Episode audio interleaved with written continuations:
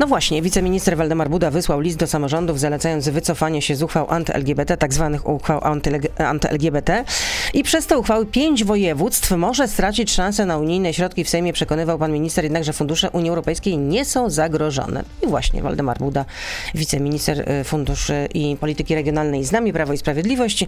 W przeszłości pan minister miał też chrapkę na bycie prezydentem Łodzi. Nie udało się zawodu radca prawny. Dzień dobry. Dzień dobry, witam serdecznie. Niczym się nie pomyliłam, tak? Rozumiem. tak, wszystko się zgadza. A czy rząd mięknie w relacjach z Unią Europejską?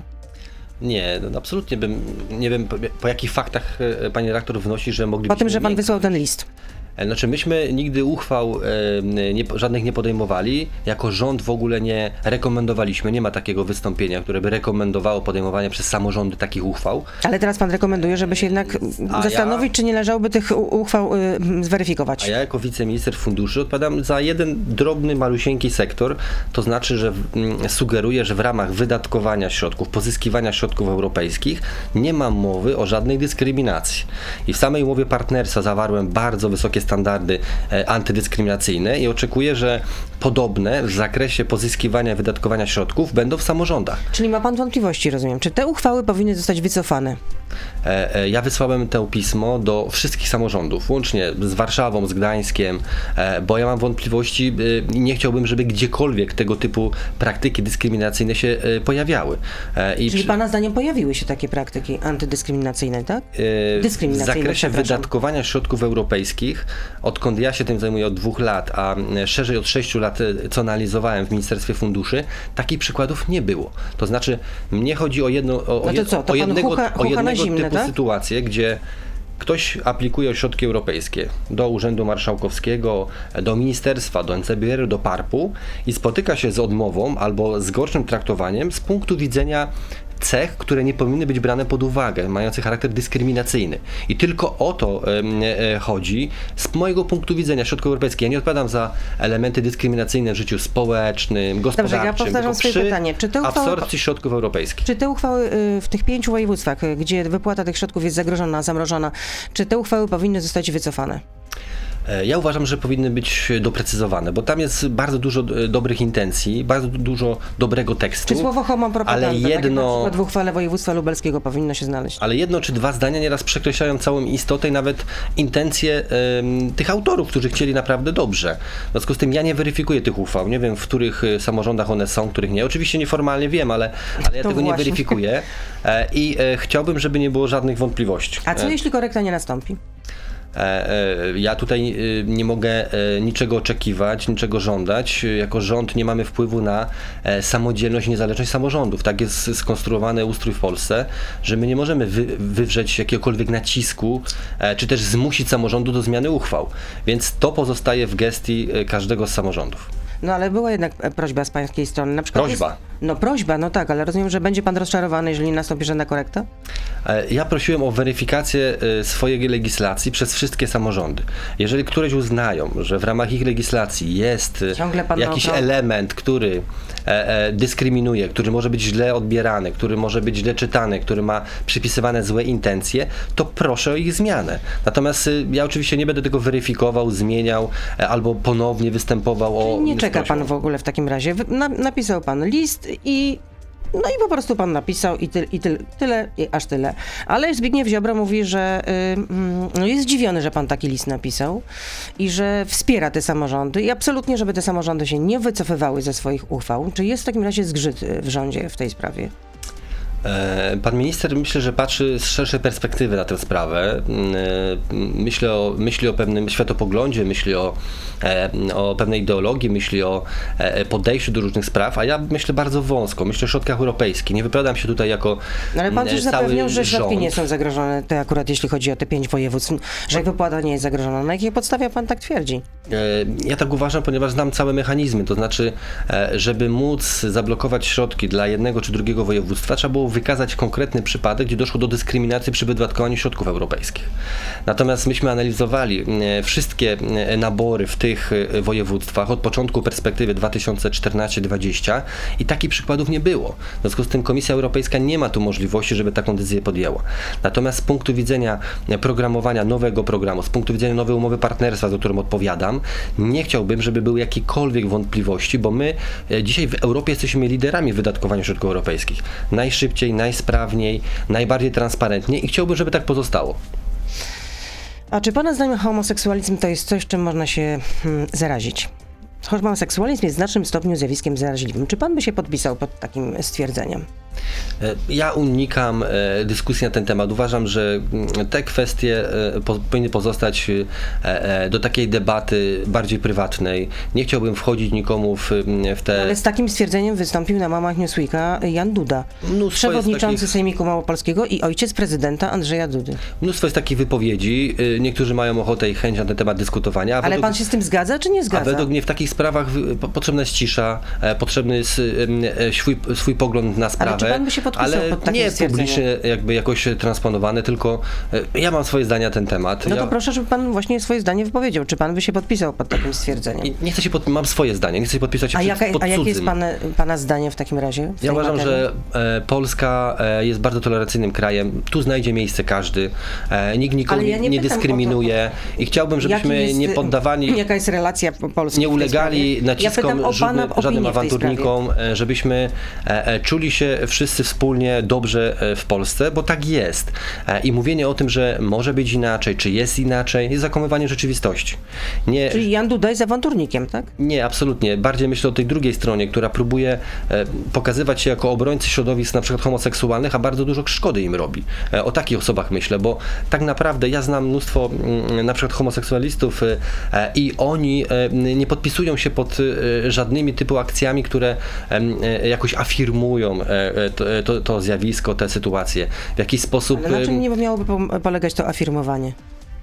Widzimy e, wiele skrajnych zachowań. E, I te skrajne zachowania nie służą żadnej Ale jakie ze stron. Ale mnóstwo takich sytuacji widzimy, e, gdzie chodzi do mm, profanacji na przykład poglądów czy elementów kultu na przykład religijnego po drugiej stronie. I ja mm, jestem zwolennikiem takiego podejścia, że każdy ma tu swoje miejsce. Każdy może mieć poglądy bardzo różne i nikt nie powinien ingerować w, w te poglądy po drugiej stronie. I jeżeli tak się zachowamy, to wszyscy będą tutaj E, szczęśliwie żyli. E, nikt nie będzie miał wątpliwości, czy może zrobić to, czy coś innego, tylko żeby miał pewnego rodzaju samoograniczenie w swoim poglądzie. Jeżeli tak będzie, e, naprawdę wszyscy będą tutaj szczęśliwi. No to tyle w części radiowej. Waldemar Buda, wiceminister od funduszy unijnych z nami zostaje oczywiście. Jesteśmy na Facebooku, na Radio ZPL, na YouTube, więc proszę zostać z nami. Beata Lubecka, zapraszam. Y, swego czasu czytaliśmy całkiem niedawno, właściwie to była taka wypowiedź y, pana Jana Dudy dla TVN, y, z których wynikało, że mm, można, można, um, uratować unijne miliardy i wystarczy usunąć z tej uchwały skrót LGBT. I co to wystarczy? Właśnie wszystkie uchwały są bardzo różne, dlatego ja nie chcę tutaj jakby generalizować, bo e, jest ich e, e, ponad setka z tego co ja wiem i szczerze mówiąc w jednej, jedne nie wymagają żadnej korekty, inne wymagają pewnego zniuansowania a które wymagają słownictwa, a drugie wymagają naprawdę zasadniczej korekty. Ja nie powiem teraz, która jest jaka, ale uważam, że karty na przykład, wiele jest kart na przykład rodzin, które mówią o wspieraniu rodzin, w tym i wielodzietnych. Ja wspieram takie rodziny, w piśmie wskazałem, że e, te uchwały nie dość, że powinny zostać, to jeszcze powinny być e, nawet rozpowszechniane. Natomiast e, są takie elementy, gdzie mówi się o pewnej konfrontacji środowisk, gdzie mówi się o pewnym jakby relacji takiej na, na poziomie wojennym, konfrontacyjnym. Ja bym tego jakby nie oczekiwał od, od samorządowców, bo to nie jest rola, żeby wchodzić w światopogląd i pokazywać jakieś sprzeczne interesy, na przykład mniejszości seksualnej z heteroseksualnymi. To, to, to nie jest potrzebne. Natomiast końcowo w każdym przypadku to samorząd decyduje o tym, jakie uchwały podejmuje. No tak, to, My więcej w tej sprawie robić nie będziemy. To o tym już mówiliśmy Ale jest pytanie do pana. Ryszard Szczygieł, przewodniczący klubu radnych PiS Sejmika, e, Sejmiku Lubelskiego pyta pana bezpośrednio. Jakie zapisy widzi pan minister do zmiany w lubelskim stanowisku? Ja, podobnie jak radni Sejmiku z klubu Prawa i Sprawiedliwości oraz pan minister Przemysław Czarnek, nie widzimy tam niczego dyskryminującego. Nie znam w szczegółach uchwały lubelskiej. Proszę One- bardzo. One są bardzo Ale różne. bardzo proszę, A to proszę, proszę, proszę, proszę. Jako prawnik y, y, musiałbym chwilę przeanalizować y, tę uchwałę, mógł się na nie temat wypowiedzieć. Ale nie wie, że pan nie zapoznał się w takim razie z tą uchwałą? Jest ich ponad 100 w, w Polsce, więc proszę mi wierzyć, że jakby nie jestem w stanie teraz cytować No, ale każdej z nich. pięć województw jest najbardziej na celowniku. E, nie będę recenzował żadnej z nich. To samorząd indywidualnie, samodzielnie podejmuje decyzję Co w tej pan sprawie. taki ostrożny, naprawdę? E, naprawdę, e, ja nie mam takiej Nie kompetencji. chce pan zadzierać, rozumiem, z radnymi klubu Prawa i Sprawiedliwości rozumiem- na Lubelszczyźnie. W piątek rozmawiałem z panem marszałkiem.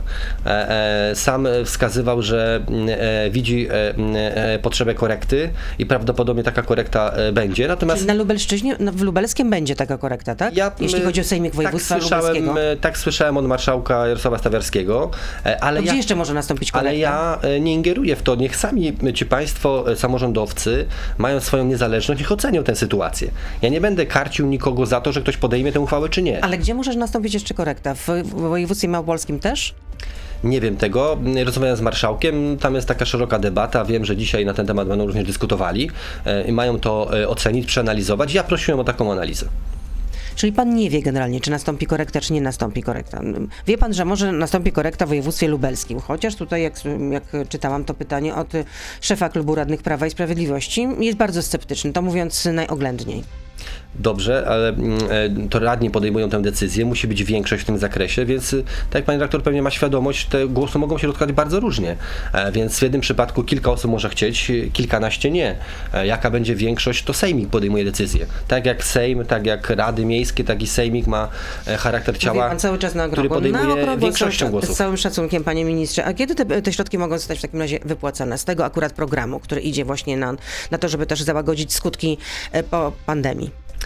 w tych województwach. E, Tutaj jakby nie ma żadnej naglącej sytuacji, bo e, korekty, czyli zmiany planów tych regionalnych, które pozwalają absorpcję tej tych środków dodatkowych e, związanych z COVID, one dopiero są zatwierdzone w jednym województwie.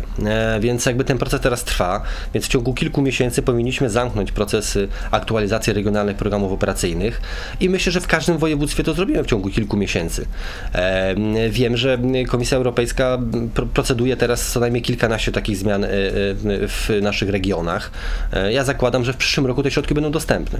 Proszę tam zerknąć ten, na tę uchwałę. Tam jest słowo homopropaganda. Mm, Ostatni e, akapit, jeśli chodzi o e, treść tej uchwały.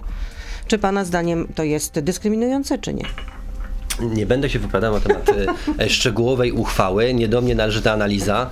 E, Ja odpowiadam za środki nie? europejskie i Dlaczego prosiłem o analizę. zdania Ale pytanie, czy to jest jedyna uchwała, czy to jest aktualna uchwała, czy Na- nie ma na- kilka uchwał. na- ze stron, przepraszam bardzo, Sejmiku jest wydrukowana, także to nie jest sufitu. No tak, ale panie redaktor, ja naprawdę, skoro widnieje ja na wysłałem stronie, znaczy, pismo do aktualna. 2800 samorządów i każdego proszę o to, żeby zweryfikował swoją Ale legislację. jednak interesuje się pan tym. Powiedział Nawet, pan, że y- jednak rozmawiał y, z przewodniczącym Sejmiku y, województwa lubelskiego i tenże właśnie, marszałkiem, przepraszam, no czyli przewodniczącym, marszałkiem, który powiedział, że prawdopodobnie na- nastąpi korekta. E, tak, ale rozmawiałem w, 10 innych sprawach e, i łączyłem się z nim e, w, w piątek, żeby na ten temat podyskutować. E, ja proszę również samorządy takie jak duże miasta, chociażby Warszawa, gdzie jest mnóstwo elementów, które mają charakter dyskryminacyjny, Ale ale, nie ze względu na... podjęta. Ale nie ze... Ale, no, no właśnie, tu jest dużo trudniejsza sytuacja, bo nie ma uchwały na wprost e, wskazującej czego dotyczy, ale w innych dokumentach albo w samym zachowaniu, rozstrzyganiu wielu spraw, na przykład konkursów dotyczących na przykład e, NGO-sów, e, pojawiają się elementy mające charakter dyskryminacyjny. I mm, co prawda są to środki krajowe, czyli budżetowe samorządu, ale w żadnym aspekcie takiej sytuacji nie powinno być. E, Więc ja apeluję o to, e, żeby w jedną i w drugą stronę m, pewną powściągliwość e, e, przyjąć w ramach uchwał czy decyzji podejmowanych przez samorządy. Tak jak mówię, e, tu nie jest kwestia do tych, tych uchwał, czy tylko tych uchwał, tylko wszystkich decyzji, które się pojawiają. Jak słyszę w Warszawie o sytuacjach, w których na przykład organizacje e, katolickie są wykluczane z dofinansowania e, w ramach na przykład e, NGO NGO-sów i środków na rzecz trzeciego sektora, to ja mam wątpliwości i to pismo, które skierowałem również dotyczy tej sytuacji. E, nawet jeśli dotyczy środków budżetowych, to nie chciałbym, żeby jakiekolwiek środki publiczne były dysponowane w sposób dyskryminacyjny w żadną ze stron. A jaka ta organizacja została zdyskryminowana? Ale słyszeliśmy, ja tak nie będę się odnosił do szczegółów tej uchwały, tak nie będę mówił o konkretnej organizacji, ale mieliśmy konferencję radnych, e, chociażby Prawa i Sprawiedliwości w Warszawie, które wskazywały, jak e, jeden nabór właśnie dotyczący NGO-sów został przeprowadzony w Warszawie, no i tam jakby tej transparentności było mało, naprawdę. A często pan korzysta z platformy cyfrowej Netflix? Zdarza się panu? Zdarza mi się, tak. Ogląda pan seriale? Zdarza mi się. No i ma pan takie wrażenie, że tam się promuje ideologię LGBT? Znaczy, jest y, w, w, w, produkcjach y, tych y, najnowszych dużo takiej sztucznej poprawności, która wręcz zakłada pewien parytet w, w, występowaniu i aktorów, i w całej fabule, że jak nie będzie elementu na przykład jakiegoś homoseksualnego, to film nie jest e, już dobry, nie jest modny. To mi trochę, to mnie trochę mierci, bo jakby wymuszanie tego typu akcentów w filmie, e, tak żeby tylko spełnić jakieś oczekiwanie, jest e, na miejscu. Natomiast jeżeli rzeczywiście film jest o, o mniejszościach seksualnych, o homoseksualizmie, no to oczywiście te wątki powinny być i nie ma tu żadnego problemu. Natomiast wymuszanie na siłę wprowadzanie ich do filmów, to jest słabe i nie w każdym filmie, nawet o, e, e, o na przykład prozie zupełnie nie odnoszące się do ideologii, do życia społecznego, do życia gospodarczego, jak są wtłaczane tego typu treści, na siłę. I ewidentnie widać, że na siłę, e, to jakby to psuje całą zabawę jakby i całe przesłanie filmu. Natomiast jak, jakby ja nie szukam jakby w rozrywce mm, w Netflixie jakiegokolwiek problemu, raczej e, czerpię z niego rozrywkę e, e, i jakby w tym celu się nie posługuję. Ja się odwołuję jeszcze cały czas do tego wywiadu, który się ukazał w dzisiejszym Newsweeku z, z panem Janem Dudą, przewodniczącym Sejmiku Małopolskiego, także powinnam powiedzieć nie, czy to jest przewodniczący, bo już po prostu nie wiem, czy to jest przewodniczący klubu radnych, żebym tutaj nie popełniła jakiegoś błędu, bo nie chciałabym tako, takowego popełnić, więc jeszcze sprawdzę. Mm, przewodniczący Sejmiku Małopolskiego, dobrze powiedziałam. Y, no i pan Jan Duda właśnie twierdzi, że w jego opinii właśnie Netflix y, no, takie treści właśnie nam serwuje. Widzi pani redaktor, jaki wspaniałym kraju żyjemy?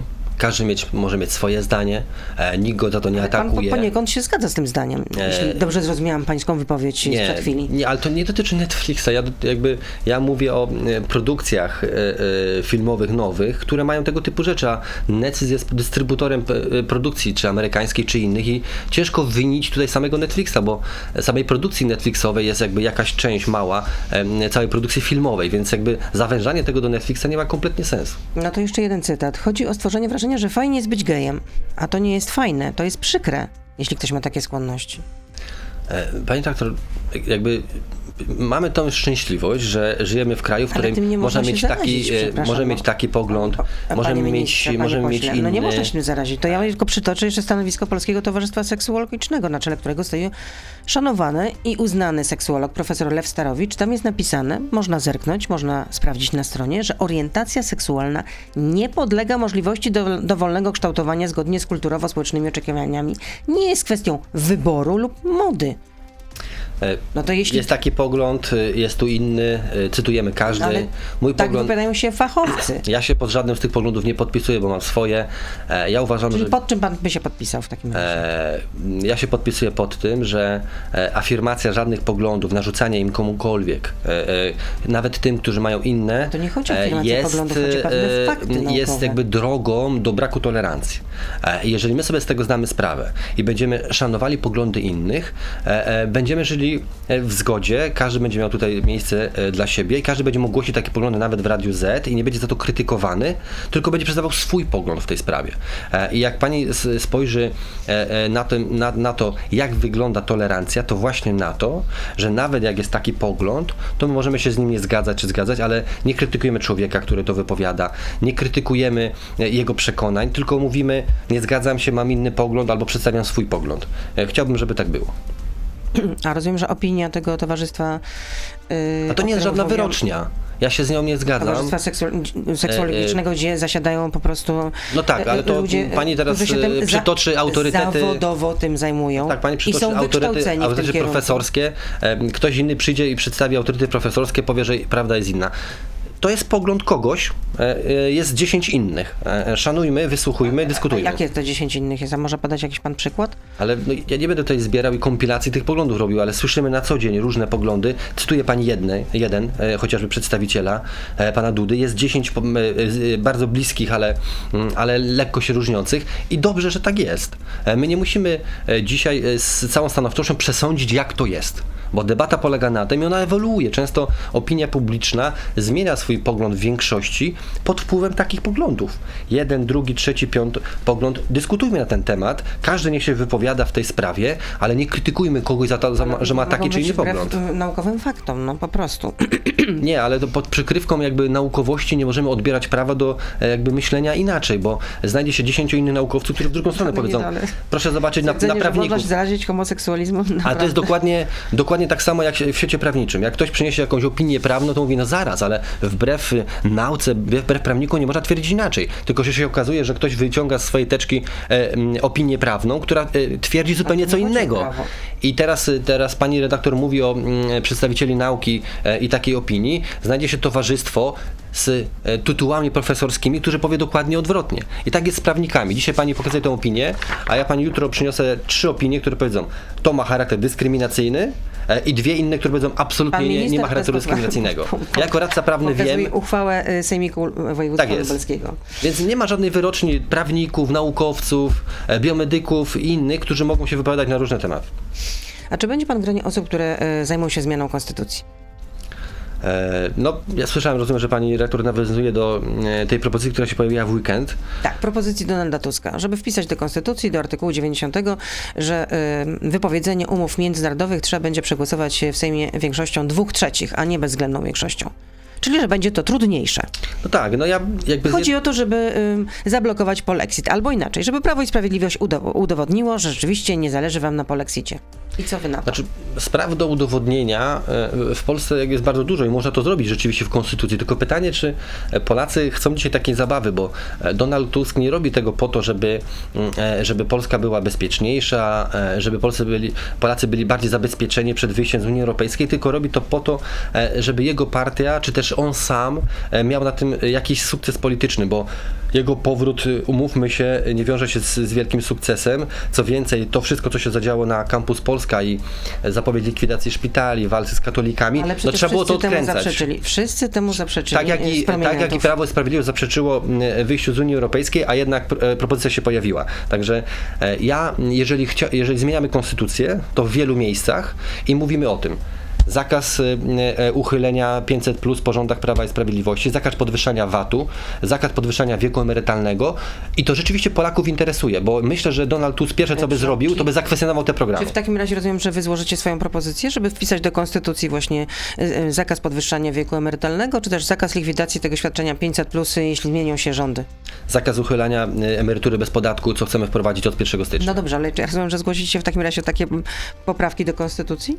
Jeżeli e, e, w ogóle podejdziemy do zmiany, jeżeli będziemy tym zainteresowani, bo w mojej ocenie jest to propagandowa propozycja, to rozszerzymy to o sprawy, które Polaków interesują. A najbardziej właśnie interesują te, e, co Donald Tusk zabierze, albo co zlikwiduje, e, pan- jeżeli kiedykolwiek będzie współuczestnicy we władzy po rządach Prawa i Sprawiedliwości. A myśli pan, że Polaków nie interesuje to, czy będziemy w Unii Europejskiej, czy nie będziemy w Unii Europejskiej? No Inter- jednak wszystkie sondaże pokazują, że, że zdecydowana większość chce pozostać w Unii Europejskiej. Tak, tylko proszę zwrócić uwagę, jak się zajmuje tym człowiek, który poparcia w Polsce ma na poziomie e, e, e, 3-4 milionów, e, zajmuje się czymś, e, o czym myślą, e, myśli 25 milionów, to on może tę inicjatywę tak zobrzydzić, tak jak to zrobił w, w stosunku do e, Brytyjczyków.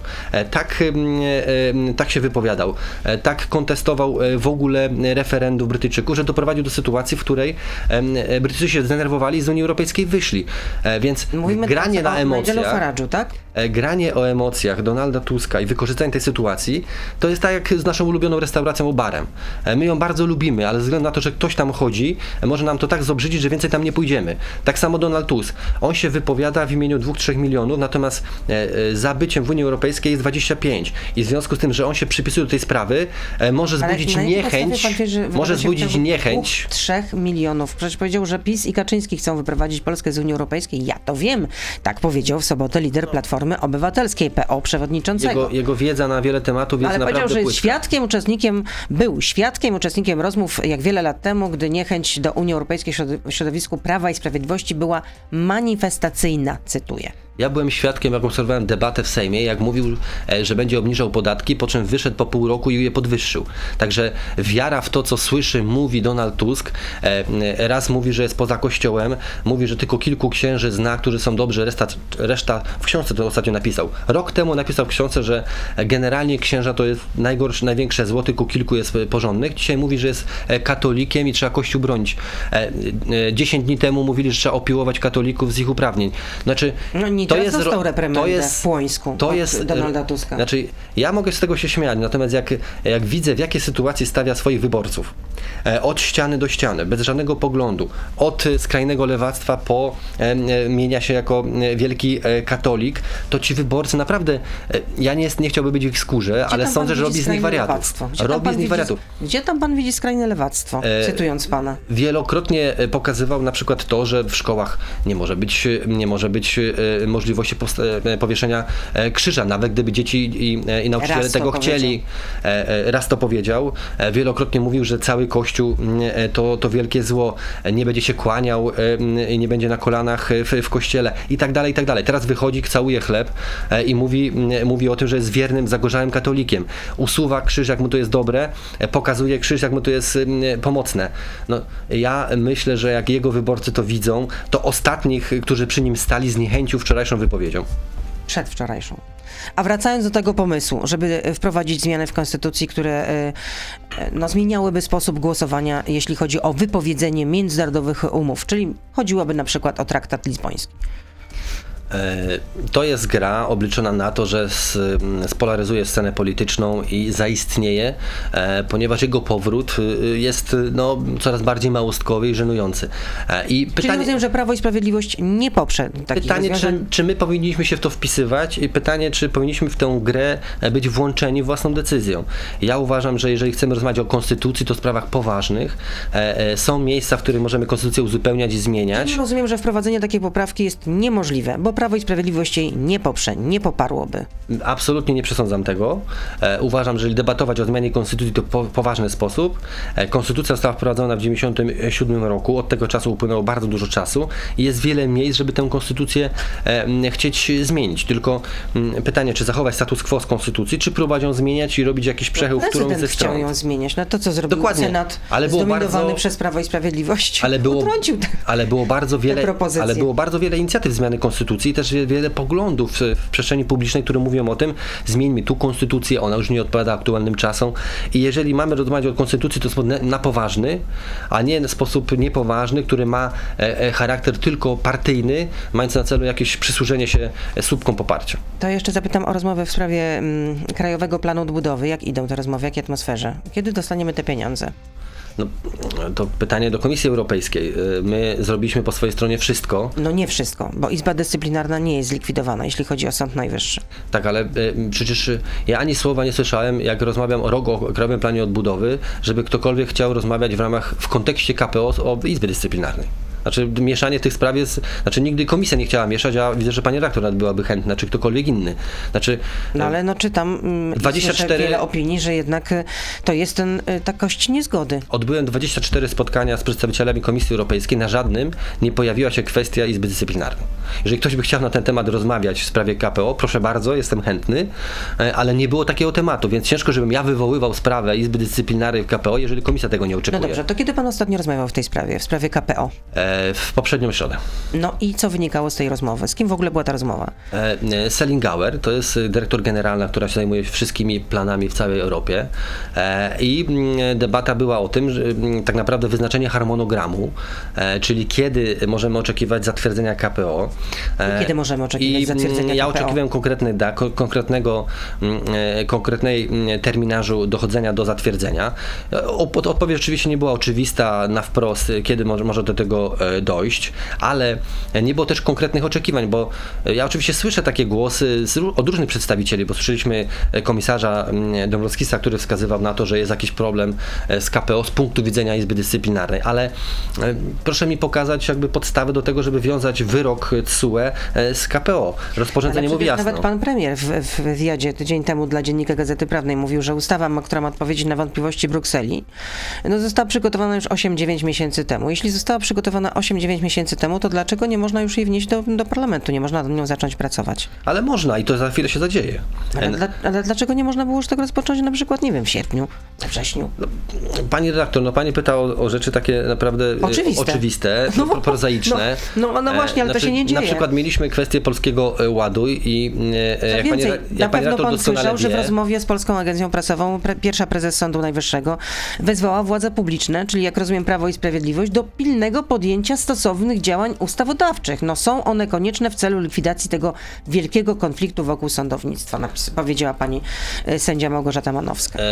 Dla mnie konflikt wokół sądownictwa to jest problem taki, którym zajmuje się taka grupa społeczeństwa. Natomiast co jest ważniejsze, chciałbym, że od 1 stycznia weszła emerytura bez podatku. I my, no musimy, i, i my musimy te zmiany przeprowadzić do końca listopada, e, żeby mogły wejść 1 stycznia. I to było dla nas ważniejsze. Jeżeli mamy agendę sejmową, która ma do wyboru albo e, e, problem Izby Dyscyplinarnej, albo obniżanie podatków Polaków, to ja wolę obniżanie podatków. No ale przecież można, można zrobić i jedno, i drugie. Naprawdę, jedno nie Tak, na poprzednim drugiego. posiedzeniu były, był Polski Ład i obniżanie podatków. Na kolejnych posiedzeniach będzie Izba Dyscyplinarna. Tylko w tej kolejności, bo tak widzimy priorytety, bo jak A pani dzisiaj zapyta kogoś... w ogóle tę ustawę Jak pani redaktor kogoś zapyta dzisiaj w Warszawie na ulicy, e, czy go przejmuje Izba Dyscyplinarna nic do pracy w poniedziałek, to pierwsze co powie, to wolałby, żeby płacić niższe podatki niż to, e, który sędzia i co będzie orzekał w Izbie Dyscyplinarnej Sądu Najwyższego. No ja wiem, że to może nie jest najpilniejsza potrzeba. No więc my takie priorytety mamy w rządzie. Przeciętnego Polaka czy też przeciętnej Polki, ale jednak są to sprawy ważne z punktu widzenia mm, praworządności również. W związku z tym pytam, kto napisał tę ustawę? Ona została przygotowana w Ministerstwie Sprawiedliwości, czy czy nie wiem, będzie to projekt poselski? E, założenia do ustawy wypracowane są na poziomie i rządowym, ale wymagają akceptacji na poziomie politycznym. Więc to jest bardzo złożony proces. E, tutaj musi dojść do porozumienia na poziomie politycznym, rządowym, Ministerstwa Sprawiedliwości. E, głos decyzyjny będzie miał charakter decyzji politycznej i wtedy po zatwierdzeniu takiego projektu będziemy go procedować i w Sejmie, i w Czyli to będzie projekt rządzie. rządowy, tak? Będzie projekt rządowy, bo to jest bardzo poważna sprawa. Oczywiście możemy rozważać projekt poselski, ale tylko z jednego ale powodu. Ale on już ma być gotowy, przecież 8 Tylko z jednego powodu powodu, tylko z jednego powodu, e, gdyby chcieć przyspieszyć pracę. E, projekt poselski daje taką możliwość. Natomiast to będzie projekt, który będzie akceptowany również przez rząd. Wracając do KPO, kiedy te pieniądze mogą zostać uwolnione, jeśli chodzi o te pieniądze, które mają właśnie zostać przeznaczone na Krajowy Plan Odbudowy? Ja liczę, że w tym roku, bo komisja nie może sobie pozwolić na to, że od 3 sierpnia e, e, narusza przepisy rozporządzenia i będzie trwała w tym e, wiele miesięcy. Więc zakładam, że jeszcze w tym roku te środki otrzymamy. Ale zakłada pan, a nie ma pan takiej pewności. No, panie redaktor, jakby coś zależało od pani sąsiada, to pewnie nie dałaby sobie pani e, e, ręki ani palca obciąć, kiedy on zrobi coś, wyniesie śmieci na przykład, które są pod drzwiami, które e, mają jakby średni zapach. Ja mogę tylko oczekiwać, że zrobi to jak najszybciej, żeby pewnej dysfunkcji, e, dysfunkcji na klatce schodowej pani redaktor nie czynić. Tak samo oczekuję od komisji, żeby podjęła e, te konkretne działania, bo ma do tego podstawy. Natomiast kiedy zrobi, to jest moje oczekiwanie tylko. Pytanie od Konrada. Jak ma się wystosowany przez pana ministra list do polskich samorządów w sprawie uchwał anty-LGBT zgłoszoną przez rząd ideą suwerenności? Czy to nie jest ugięcie się przed Komisją Europejską? E, znaczy, jeżeli ktoś uważa, że trzeba być, e, e, uginać się w, pod, pod Unią Europejską czy Komisją Europejską, żeby chcieć w Polsce mieć reguły, które nikogo nie dyskryminują, no to żyje w jakimś matriksie. No, znaczy, my bez względu na to, czy jesteśmy w Unii Europejskiej, czy nie, bez względu na to, jakie tam mamy relacje, rząd polski stoi na stanowisku, że nie ma mowy o żadnej dyskryminacji w Polsce. I my będziemy tego szanować bez względu na to, czy komisja prosi o to, czy oczekuje tego, czy nie. E, I e, jakby wiązanie tego e, tylko i wyłącznie ze środkami europejskimi, albo wiązanie tylko z przynależnością do Unii Europejskiej jest absurdem. My chcemy w Polsce, żeby każdy mógł czuć się tutaj jak u siebie, żeby nie czuł się zagrożony z tych cech, na przykład jak mniejszości seksualne. I nigdy, bez względu na to, w którym miejscu i w której części Europy będziemy dzisiaj współpracować, czy bliżej nam do Europy Grupy Wyszehradzkiej, czy, czy Trójmorza czy Unii Europejskiej, my zawsze będziemy te wartości wyznawać. Czy nigdy nie miał pan na myśli, to też jest pytanie od słuchacza, że ma pan za mało doświadczenia zawodowego, żeby być ministrem po prostu? Pana przerasta ta funkcja. No, to, to pytanie, niech to e, wyborcy e, określą. Albo pan premier. E, Niech pan premier to ocenia. Ja nie jestem najmłodszym ministrem. Są tacy, którzy mają parę lat albo naście, nawet mniej niż, niż ja. Patkowski na przykład w resorcie finansów. No, ja mam y, 39 lat, mam, jestem radcą prawnym, dość długo się kształciłem, więc parlamentarzystą jestem od 6, więc jeżeli ktoś uznaje, że nie mam kompetencji, proszę bardzo, ale staram się jak najlepiej, pewnie z wadami, pewnie z, y, z, z jakimiś błędami, ale staram się z całej mocy, żeby jak najlepiej swoją funkcję wykonywać. Dane publiczne pytają. Zarządów dobrej zmiany długi szpitali urosły do rekordowych 15 miliardów złotych. Miesiąc temu premier ogłosił 30 miliardów nadwyżki budżetowej. Dlaczego nie wykorzystano tych pieniędzy na program oddłużania szpitali, który byłby kołem zamachowym dobrego startu służby zdrowia w Polski Ład?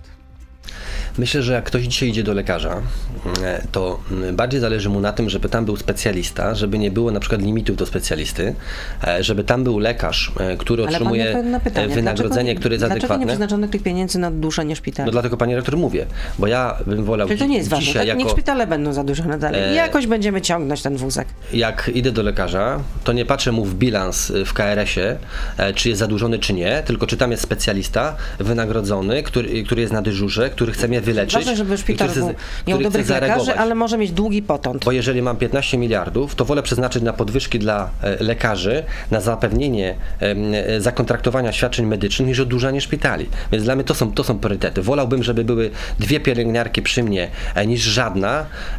Wolałbym niż zerowy bilans na... kadr, jeśli chodzi o pielęgniarki czy też lekarzy, to tego się nie zrobi tak z dnia na dzień. Ale my to robimy. To jest proces długofalowy. 6,5 tysiąca było kształconych lekarzy na studiach medycznych, jak e, w 2015 przejmowaliśmy rządy, dzisiaj jest 11,5 tysiąca.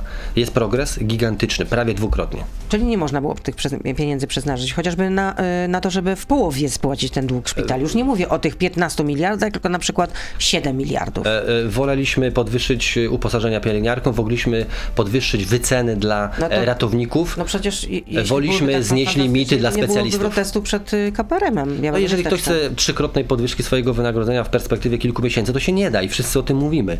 Ale 40% podwyżki e, e, dla pielęgniarek to było możliwe i woleliśmy na ten cel przeznaczyć te środki. I jeszcze jedno pytanie. Michał Płyta. Zmiany podatkowe w Nowym Ładzie opisane są na prawie 700 stronach A4. Czy pan minister przeczytał całość ze zrozumieniem od A do Z? E, Ja uczestniczyłem w pracach nad tymi rozwiązaniami, znam ich założenia. Czyli e, zna pan od A do Z? precyzyjnie. No, możemy tutaj e, się przetestować, ale znam tę ustawę dość dobrze. A czy jest pan w stanie zagwarantować, że wszyscy posłowie klubu PiS tak uczynili, że przeczytali od dechy do dechy? E, Ja uważam, że e, e, wszyscy powinni interesować się sprawami publicznymi, natomiast ja nikomu nie polecam, żeby każdy w Polsce przeczytał ustawę podatkową. Ale my nie Chodzi o jego każdy, założenia. tylko posłowie, którzy to jest ich praca również, żeby wiedzieli za czym głosują. Powinni- A nie te do tego po prostu fiszkę ma głosować tak albo tak, ma podnosić rękę albo nie podnosić, Powinni. włączać czerwony przycisk albo zielony. powinni, nie tylko Prawa i Sprawiedliwości, ale wszyscy parlamentarzyści znać ustawy, pod którymi się podpisują, można powiedzieć, bo głosują nad nimi. E, Przede wszystkim powinni być to posłowie, którzy uczestniczą w Komisji Finansów e, Publicznych, bo oni bezpośrednio roz- rozpatrują poprawki, które tego dotyczą. E, I ja bym chciał żyć w, w takim świecie, w którym wszyscy wszystko wiedzą, ale ostatnio była sytuacja, w której poseł Platformy Obywatelskiej zarzucał nam, zarzucał nam jedną sprawę, która okazała się, że była głosowana na poprzednim w poprzednim parlamencie, czyli poprzednim posiedzeniu Sejmu. Więc bywa z tym bardzo różnie. Natomiast świat idealny jest taki, że wszyscy znają każdą ustawę A do, A do Z, y, bardzo świadomie podejmą decyzje i y, y, jest tak. Natomiast myślę, że Polski Nie Ład i wierzę. rozwiązania, które są w Polskim Ładzie podatkowe, one na tyle były przedmiotem debaty publicznej, myślę, że e, większość parlamentarzystów, czy nawet wszyscy je znają. To już pytanie ode mnie, ale krótka odpowiedź. Zmienił pan wizerunek ostatnio, no jakieś tak kilka miesięcy temu, zdecydowanie. No nowa fryzura, nowe okulary, no w ogóle tak chyba trochę pana ubyło. Myślę, że e, e, pani redaktor przeoczyła fakt, że e, e, nie- nie było takiej metamorfozy, absolutnie. E, No mnie się to rzuca w oczy. No pani rektor, bo jesteśmy tutaj pierwszy raz, mam przyjemność z panią rektor rozmawiać, nie, i no, na żywo się pierwszy raz y, y, widzimy, ale y, rozumiem, że ta metamorfoza czy zmiana jest na plus. Na plus. No więc ja bardzo dziękuję. No ja bardzo dziękuję za tę rozmowę. Z nami był Waldemar Buda, wiceminister od Funduszy Unijnych i Polityki Regionalnej. No, niechętnie pan odpowiada tak prosto i wyraźnie, żeby było tak, tak, nie, nie. Dziękuję, dobrego dnia, życzę oczywiście dużo zdrowia. Nie ustająco. Wzajemnie bardzo dziękuję. To był gość Radia Z. Słuchaj codziennie w Radio Z i na player radioz.pl.